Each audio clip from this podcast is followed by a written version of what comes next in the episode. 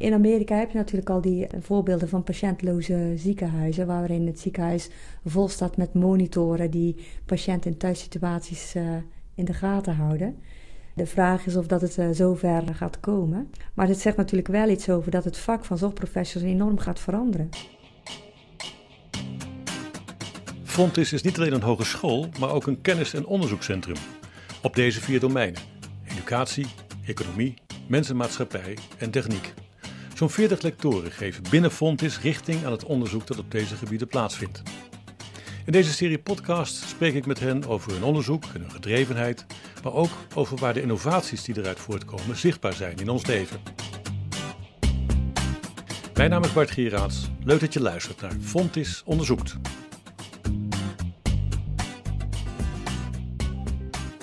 Angelique Dierik, welkom.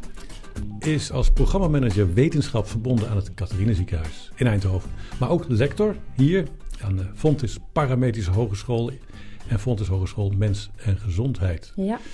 Nou, uh, welkom in deze podcast. Ik zag ook dat je gepromoveerd gezondheidswetenschapper bent. Ja. Dat heb ik even opgeschreven met het proefschrift The Introduction of the Nurse Practitioner in General Practice. Ja. Dat lijkt wel uh, logopedie-proefschrift. Uh, dat kwam ah, er dat, uh, redelijk achterloos uit.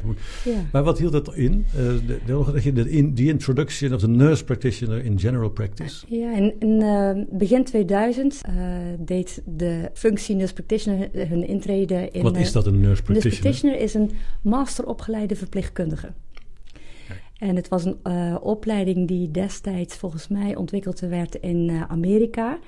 En het was een, uh, ja, zeg maar een, een masteropgeleide professional, waarbij men um, deze persoon wilde inzetten op uh, ja, zeg maar het scheidsvlak tussen uh, de verpleegkundige professional en de geneeskundige professional.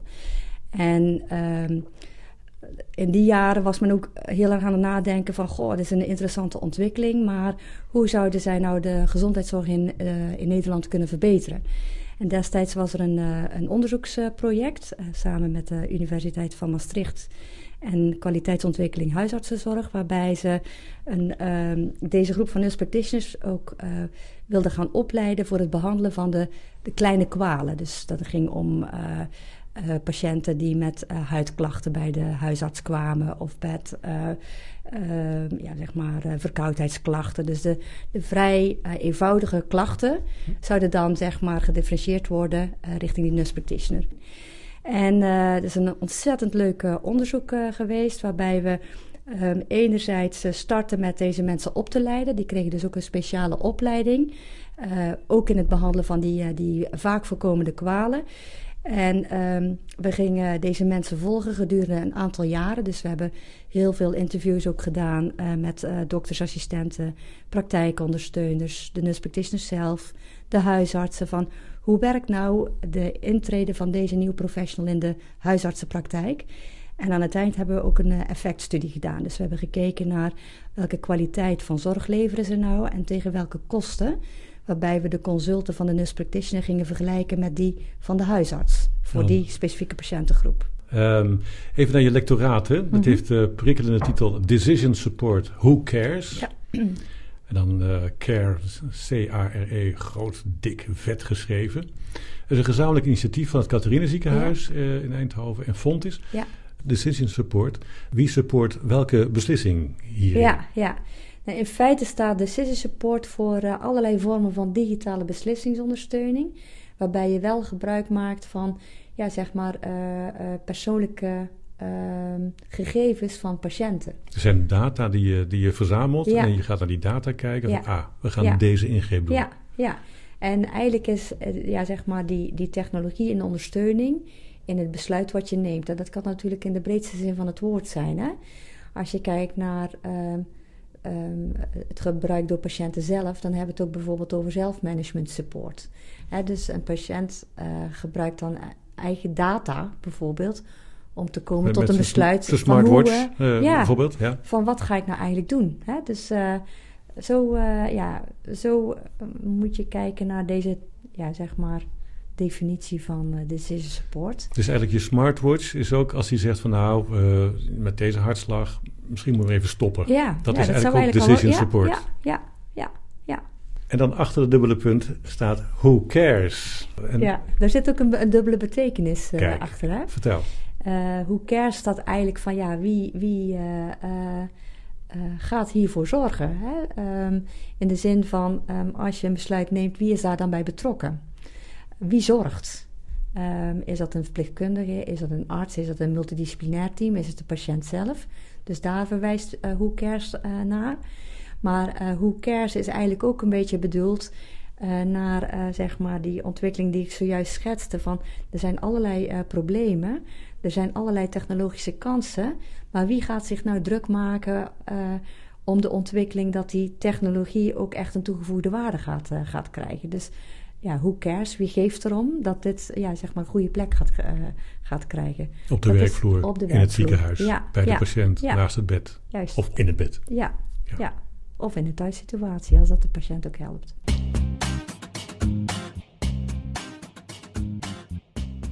Een lectoraat dat als onderzoeksterrein heeft, werkproces op de werkvloer van een ziekenhuis. Ja, specifiek ook uh, gekeken naar... Uh, de processen van verpleegkundigen en paramedici en daarin ook het, het multidisciplinaire aspect uh, daarin. Wat gaat daar mis? Uh, wat daarin uh, mis gaat, is dat we natuurlijk met hele ja, grote problemen op dit moment te maken hebben. Je ziet dat we te maken krijgen met de steeds ouder wordende patiënten die steeds meer ja, zeg maar, tegelijkertijd aandoeningen hebben. Ehm, dus de zorg voor deze groep die wordt ook complexer. Tegelijkertijd zie je ook dat er uh, sprake is van een personeelstekort. Het is steeds moeilijker om aan uh, verpleegkundig uh, personeel te komen. En aan de andere kant zie je ook dat er zeker daar waar het gaat om onderzoek en ontwikkelingen, dat technologie wel een enorme vlucht krijgt. En uh, de ervaring is, is dat uh, daar uh, tussen enerzijds die ontwikkelingen en anderzijds het doorgeleiden van die ontwikkelingen richting de werkvloer, dat dat vaak nog heel erg op zich laat wachten. En dat is ook meteen de insteek van het lectoraat geweest, waarin we zeggen van op welke wijze zou je nou met vormen van digitale beslissingsondersteuning um, ja, zeg maar ook die zorg in de toekomst kunnen blijven garanderen. Dus die, die techniek is er wel, maar wordt niet gebruikt in het ziekenhuis. Ja, ja, ja. En wat voor techniek moet ik aan denken? Uh, je zou kunnen denken aan allerlei uh, vormen van um, uh, monitortechnieken, monitorsystemen. Dus dat je op, met behulp van sensoren metingen gaat doen bij, bij patiënten. In plaats van dat je allerlei um, parameters handmatig moet gaan, uh, gaan meten. De statussen invullen en dat soort dingen. Ja, maar ook zeg maar handmatig bloeddruk uh, meten, temperatuur, saturatie. dat zijn nu vaak op, als je kijkt naar de reguliere verpleegafdelingen, vaak nog allemaal aparte handelingen. En je ziet wel sensortechnologie, maar dat duurt best lang voordat die sensortechnologie goed ingebed is in, in ja, zeg maar die verpleegkundige en paramedische praktijk. Dat kan wel. Je kan mensen gewoon een beetje volplakken met sensoren en dan heb je al dat soort data. Die data, ja, ja. Alleen de vraag is dan, uh, die data komt dan vaak uh, op een monitor uh, terecht. En wat is er nou nodig om zo'n monitorsysteem goed te implementeren op de werkvloer? Want of je nu zeg maar je handelingen bij een patiënt doet en continu in contact bent met een patiënt, of je hebt daar een patiënt liggen en op een andere plek een monitor. Wat doet het dan met een uh, verpleegkundige, met, het, met het verpleegproces, met de klinische besluitvorming en dus ook met kwaliteit, uh, kwaliteit van zorg? Waar zie je dat dat uh, niet lekker werkt? Nou, om je een voorbeeld te geven. Um, er is, um, dat noemen ze de Early Warning Score. Dat is een score waarin verpleegkundigen een aantal van die vitale parameters een aantal keren uh, per dag uh, zou moeten meten. Dat gaat dan om de pols, om de bloeddruk, uh, urineproductie. Um, en die handelingen die kosten ook zoveel tijd dat je ziet dat door werklast of werkdruk dat er ja, zeg maar die, die metingen vaak niet goed kunnen worden verricht. Hè. Die, die worden door de druk of de haast of de werklast ja, minder goed gemeten. En um, op het moment dat je dit soort van metingen uh, automatisch zou kunnen laten plaatsvinden, dan zou dat natuurlijk wel een winst kunnen opleveren, waarbij je enerzijds uh, goed die patiënt in de gaten kunt uh, houden. en, en anderzijds ook in de werklast iets kunnen betekenen voor, voor verpleegkundigen. Dus dan zou je ook nog een keer een praatje kunnen maken met een patiënt. Bijvoorbeeld, ja. Maar wat ook wel interessant is, is op het moment dat die metingen gedaan worden automatisch, wat doet dat dan met het contact en de observaties uh, bij een patiënt. Hè? Wat, wat doe jij daar als verpleegkundige mee? Of kijk je eh, naar het scherm en denk je van, nou ja, het ziet er goed uit en dat was het dan. Hè?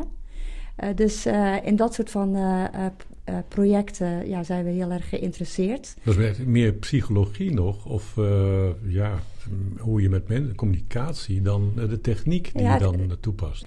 En niet alleen het contact, maar ook op het moment dat je met nieuwe technologie te maken hebt hoe wordt dat geïntroduceerd op de afdeling? Of zijn daar verpleegkundigen en paramedische professionals bij betrokken om überhaupt zo'n technologie te ontwerpen? En, uh, is er veel weerstand ook bij verpleegkundigen? Nou, de weerstand uh, uh, komt op het moment dat er iets mis is gegaan in de introductie. Uh, op het moment dat er problemen zijn met een apparaat waarbij er niemand is die dat kan oplossen of kan, kan ondersteunen dat verpleegkundigen weer uh, daarmee uit de voeten uh, kunnen. Uh, of dat het apparaat toch iets anders pretendeert dan ja, waar de behoefte ligt bij die, bij die verpleegkundigen. En dat zijn wel elementen waardoor dat ja, technologie ja, soms ook in de kast verdwijnt. Je bent zelf ook verpleegkundige, ooit geweest, ja. Voordat je ja, gezondheidswetenschappen ja, ging studeren. Um, heb je als verpleegkundige gewerkt? Ja, in de psychiatrie. Dat was wel een oh, heel andere tak uh, van sport. Ja, ja op een uh, gesloten opnameafdeling. Ja. En, mooi werk? Ja, het was, uh, was heel mooi werk. Ja, zeker. Ja. Maar toch dacht je op een gegeven moment... ik kan toch in de wetenschap meer betekenen voor de wereld... Ja. dan als verpleegkundige. Ja. Waar ja, liep je had, tegenaan? Dat had ik eigenlijk al tijdens mijn opleiding op de HBOV. Dat ik alle vakken bij de HBOV vond ik allemaal reuze interessant... En tijdens mijn stages kwam elke keer weer naar voren, maar kan dat niet anders? Dat was altijd een, een, vraag die in mijn hoofd plopte van, nou, dat, dat moet toch anders kunnen, dat moet toch beter kunnen. En, wat, wat uh, zag je toen? Wat was het grootste ding toen? Oh, dat is wel al heel lang geleden. Moet ik eens even goed graven. Nou, valt best mee volgens mij. het ging toen vooral over ja, ook kwaliteit van zorg. Hè. Wat is nou eigenlijk kwaliteit van zorg? Destijds was ik ook wel uh, bezig met de standaarden van, van kwaliteit. En ik heb toen, ik heb, ben meteen gezondheidswetenschappen gedaan, direct na de HBOV. En, en daarnaast werkte ik dus in de psychiatrie. En dat was ook al een hele leuke tijd, omdat je daarmee de vakken vanuit de universiteit ook meteen kon plaatsen in de praktijk. Dus dat maakte voor mij een heel. dat, dat ik steeds die transfer kon maken van oh, dit uh, leer ik daar en wat zou ik hier nou mee kunnen op, uh, op de werkvloer. Dus uh, ja, er zaten ook vakken rondom wetgeving bij, de BOPZ, bijzondere opname psychiatrische ziekenhuizen. daar leer je allerlei wetteksten in, in de opleiding. En tegelijkertijd, wat doen wij daar nou mee als verpleegkundige op die werkvloer? Dus ja, zo heb ik toch heel wat ja, modules goed kunnen vertalen richting die praktijk. Dat is een hele mooie plek vond is om die, uh, die wetenschap en die praktijk ja. bij elkaar uh, te Ja, met name het praktijkgerichte aspect. Hè? En dat was ook wel heel leuk toen uh, ja, zeg maar het idee ontstond om Fontis, dat Fontis wilde samenwerken met het Catharina ziekenhuis in zo'n lectoraat. Ik heb in die beginfase ook ja, een aantal interviews gedaan, zowel in het ziekenhuis als ook met uh, mensen van de opleiding. Van ja, wat zijn nou eigenlijk vraagstukken waar we tegenaan uh, lopen? En dan zie je dat um, er toch, uh, ja, zeg maar, hè, de, de, de, vraagstukken zoals ik die net noemde, van ehm, hoe kan technologie nou bijdragen in de verbetering van kwaliteit van zorg? Dat je juist ook aan de opleidingskant te maken krijgt met het vraagstuk van, en wat betekent dat dan naar het opleiden van professionals in de toekomst? Hè, als we zeggen dat technologie zo'n belangrijke plek gaat krijgen in het, uh, in het proces in de zorg, hoe willen we dat dan terugzien in het curriculum van verpleegkundigen en paramedici? En uh, dat is wel ja, de mooie brug steeds die, ja, die, die er is binnen het lectoraat. En hoe ziet het onderzoek er nu uit wat, wat je nu doet? Um, ik heb uh, binnen het lectoraat zijn er een aantal promovendi bezig. Um, waarbij het ook wel gaat om hele praktische vraagstukken. Zo is er een promovendus bezig die kijkt naar de inzet van echografie bij mensen bij wie het moeilijk is om een infuus te prikken. Nou, er zijn miljarden mensen die op jaarbasis een infuus krijgen. Um, en een groot deel daarvan, um, daarbij is het gewoon lastig om ja, zeg maar de juiste aders te krijgen. En Rick van Loon, dat is ook de onderzoeker. Hij werkt als anesthesiemedewerker in het Catharina en is tevens ook docent bij Fontes. Dus daar heb je ook weer die hele mooie brug. Die heeft enerzijds een, een predictiemodel ontwikkeld waarbij hij vooraf kan aantonen van dit kan wel eens een patiënt zijn bij wie het moeilijk is om ja, een infuus uh, van de eerste keer te prikken. En dat model gebruikt hij dus in combinatie met de inzet van echografie. En nu is hij zover dat we um, gaan kijken van um, we gaan een groep mensen trainen. Die enerzijds met het predictiemodel aan de, aan de slag gaan, anderzijds met echografie. En vervolgens wordt gekeken van wat zegt het nou over de succesratio. Kunnen zij ja, zeg maar, het aantal mensen bij wie de eerste poging van het infuus plaatsen succesvol is, verhogen. En uh, dus dat is eigenlijk een heel ja, praktisch voorbeeld van ook weer digitale beslissingsondersteuningen. Want echografie, ja, dan heb je een apparaatje die kijkt van nou, waar, ligt, waar zit die ader en hoe kan ik, kan ik prikken. En ehm, ja, uh, en je gaat kijken van hoe kun je daardoor ook de kwaliteit van zorg voor deze groep van patiënten verbeteren. Wat ja. goed is dit. Ja, ja. ja. En heel, ellende. Ja, precies. Hè? Want ook als je dit verhaal tegen mensen zegt die ooit het zelf hebben meegemaakt of iemand in een familie, die weten ook dat op het, op het moment dat er misgeprikt wordt, dat het gewoon ontzettend pijnlijk is. En niet alleen pijnlijk, de kans op complicaties wordt daardoor ook groter. Um, nu is het vaak zo dat als er een moeilijk te prikken patiënt is, dat er vaak elders een, een uh, collega wordt uh, geseind van uh, kun je even naar de poli komen, want we hebben een patiënt die moeilijk te prikken is. Dus, ja, dat is altijd een specialist, hè? Ja, dat is ja, de, de goede ja, prikker. Ja, ja dus die patiënt zit te wachten. Nou, die specialist of, of, of, die professional die moet uit zijn proces gehaald worden. Het moet naar de poli toe komen. Dat kost ook tijd. Tijd is geld. Hè, dus ja, de kans dat dit een, een, ja, een heel ja, kosteneffectief traject gaat worden is, is heel, heel groot. Ja. Is het niet een beetje ja, deprimerend, vind ik een beetje een zwaar woord, maar omdat het altijd weer om die kosten gaat. Het is toch altijd van wat levert het aan kostenbesparing op? Is het mhm. niet dat, dat je soms wel eens denkt van ja, kom op, uh, moet het nou altijd, altijd om die poen gaan? Ja. Nou, ik, uh, ik ben er ook uh, enorme voorstander van om altijd het verhaal met kwaliteit te beginnen. En, en dat ja, de kosten daarna volgt. Hè, maar op het moment dat we alleen maar met kostenbesparingen bezig zijn, zonder oog te hebben voor welke kwaliteit geleverd wordt, dan denk ik, als we dat gaan doen, dan zijn we niet, niet goed bezig. Ja. Ik vond een heel mooi voorbeeld van die, die prik-echo. Ja. Heb je er nog eentje? Ja, zeker. We hebben er nog uh, eentje.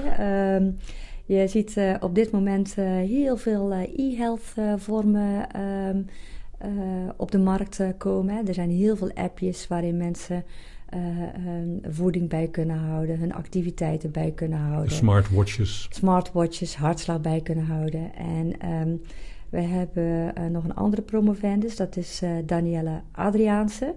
En die um, is bezig met een onderzoek waarbij ze start vanuit de behoeften van slokdarmkankerpatiënten. Om vervolgens te kijken van um, deze patiënten op het moment dat zij te maken krijgen met de diagnose slokdarmkanker, dan komt er vaak een heel intensief behandeltraject.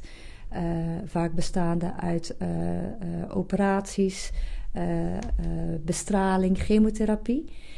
En zij is heel erg geïnteresseerd in zelfmanagement. Dus hoe kun je nou een patiënt ehm, ja, ondersteunen in zijn zelfmanagement, waardoor hij conditioneel zo goed op peil blijft, waardoor het herstel ja, na zo'n intensief traject ook uh, ja, beter gaat, uh, gaat worden. Wat kun je dan zelf gaan doen?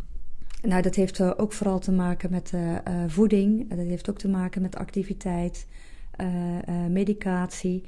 En ehm, alleen wat je ziet is dat er vanuit ehm, wat er aan ontwikkelingen zijn, is er heel veel op de markt. En wat zij doet is vooral ook de verhalen bij patiënten zelf op gaan halen die zoiets hebben meegemaakt van waar had u nou eigenlijk eh, behoefte aan gehad? Maar wat kom je dan tegen specifiek bij uh, slokdarmkanker? Ja, dat kunnen hele uh, uiteenlopende vragen zijn.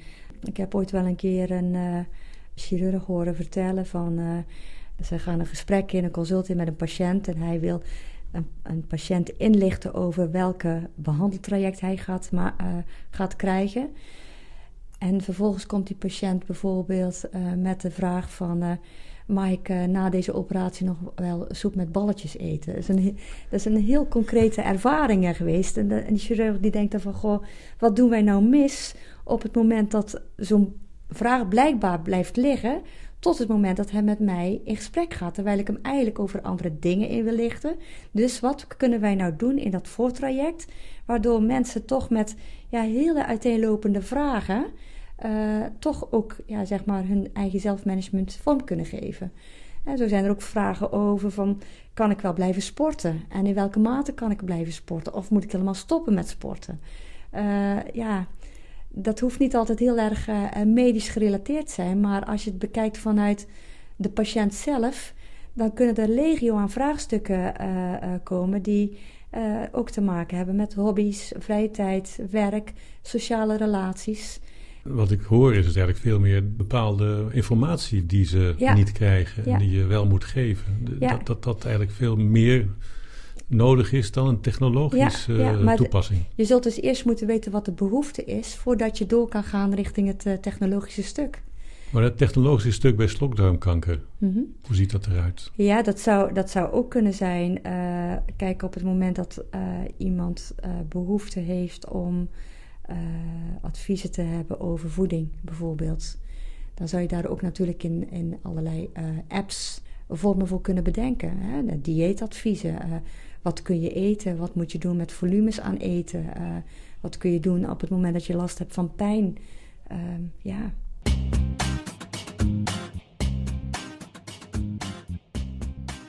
Je hebt studenten ook. Ja. Wat is je belangrijkste boodschap aan hen? De belangrijkste boodschap aan uh, studenten, en denk ik ook vooral aan de verpleegkundige en paramedische studenten, is dat zij door aan te haken in dit soort van onderzoeksprojecten een actieve bijdrage leveren aan ja, wat we dadelijk ook in de toekomst nodig hebben om de juiste zorg te kunnen leveren. En dat ze daar ook creatief in blijven, nieuwsgierig in blijven en daarin ook een stukje leiderschap tonen om daar hun inbreng in te hebben. Nieuwsgierig blijven. Dat nieuwsgierig blijven, ja. ja. Dat, ja. Uh, dat moet echt ja. met de zweep ingeknald eigenlijk worden. Eigenlijk wel, ja. Moet eigenlijk een, misschien wel een van de belangrijkste competenties zijn van studenten in de toekomst. Met name ook omdat uh, er komen zoveel veranderingen nu op dit moment uh, in, in de zorg. En je zult dus ook een hele flexibele professional moeten krijgen die ook ja, um, daar ook een actieve rol in kan hebben. Van nou, met, met wat, wat heeft een toegevoegde waarde en wat niet? En hoe waardeer ik dat? En welke uh, ja, werkvormen heb ik daarvoor nodig? Met wie kan ik dat doen? Uh, in dus, plaats van afwachten en kijken wanneer dat er iets uh, gelanceerd wordt binnen het ja, verpleegproces. Ja. Je hebt vast wel eens nagedacht over het ziekenhuis van de toekomst mm -hmm. en de werkvloer erin. Mm -hmm. Als je dan ehm, zo de toekomst inkijkt, wat, wat zien we beslist niet meer in het ziekenhuis? Of wie zien we daar beslist niet meer? Ik denk dat dadelijk uh, patiënten echt nog maar naar het ziekenhuis komen als het ook echt daadwerkelijk nodig is. Hè? Dus als er echt een, een ingrepen plaats uh, moet vinden uh, op een OK, die patiënten die zul je zien. ik denk dat het aantal consulten flink gaat afnemen. Hè? Dus dat je veel meer gaat kijken van kun je mensen ook monitoren in een thuissituatie. En uh, dat gegevens doorgestuurd uh, kunnen worden naar een ziekenhuis. En op het moment dat patiënten in een bepaald risicogebied uh, komen, hè, qua functies, dat er dan contact gezocht wordt van, goh, misschien is het nu goed om even richting het ziekenhuis te komen. Of misschien gaan juist de, de zorgprofessionals wel naar de patiënt thuis om daar iets op ja, op te lossen of te behandelen of te instrueren. Die, die, die mensen, die patiënten thuis, die zitten toch volgeplakt met sensoren. Dus uh, die monitor die staat in het ziekenhuis, dus uh, die gaat wel af uh, met het alarm van wacht eens even. Je moet eens even daar die... ja. Kijk, en, in Amerika heb je natuurlijk al die voorbeelden van patiëntloze ziekenhuizen, waarin het ziekenhuis vol staat met monitoren die patiënten in thuissituaties in de gaten houden. Ja, de vraag is of dat het zover gaat, gaat komen. Um, maar het zegt natuurlijk wel iets over dat het vak van zorgprofessionals enorm gaat, uh, gaat veranderen.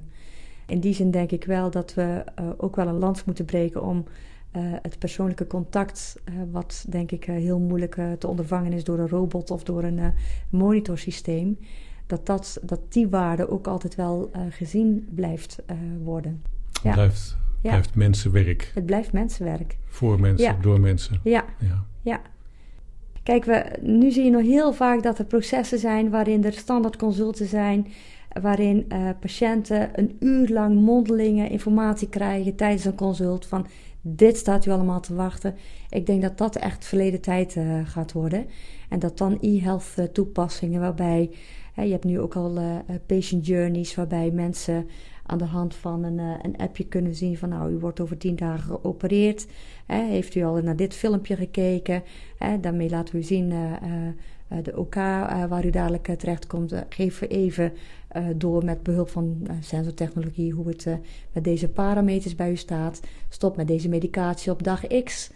Dus dan worden mensen, zeg maar, dan krijgen ze de juiste informatie op de juiste dag in het proces. En uh, ja, zeg maar uh, echt voorbeelden dat uh, patiënten dikke folders krijgen die toch niet gelezen worden, meekrijgen, lange verhalen. Ja, dat, dat, dat gaat er echt uit. Dat is al aan de gang nu. Bij dat wordt al anders. Ja, ja dat wordt al anders. Ja. ja. Oké, okay, nou. Ja. Toch blijmoedig de toekomst in. als je ja, spannende toekomst. Ja, ja. ja, ja. Nou, Heel, bedankt voor dit gesprek. Ja, dankjewel.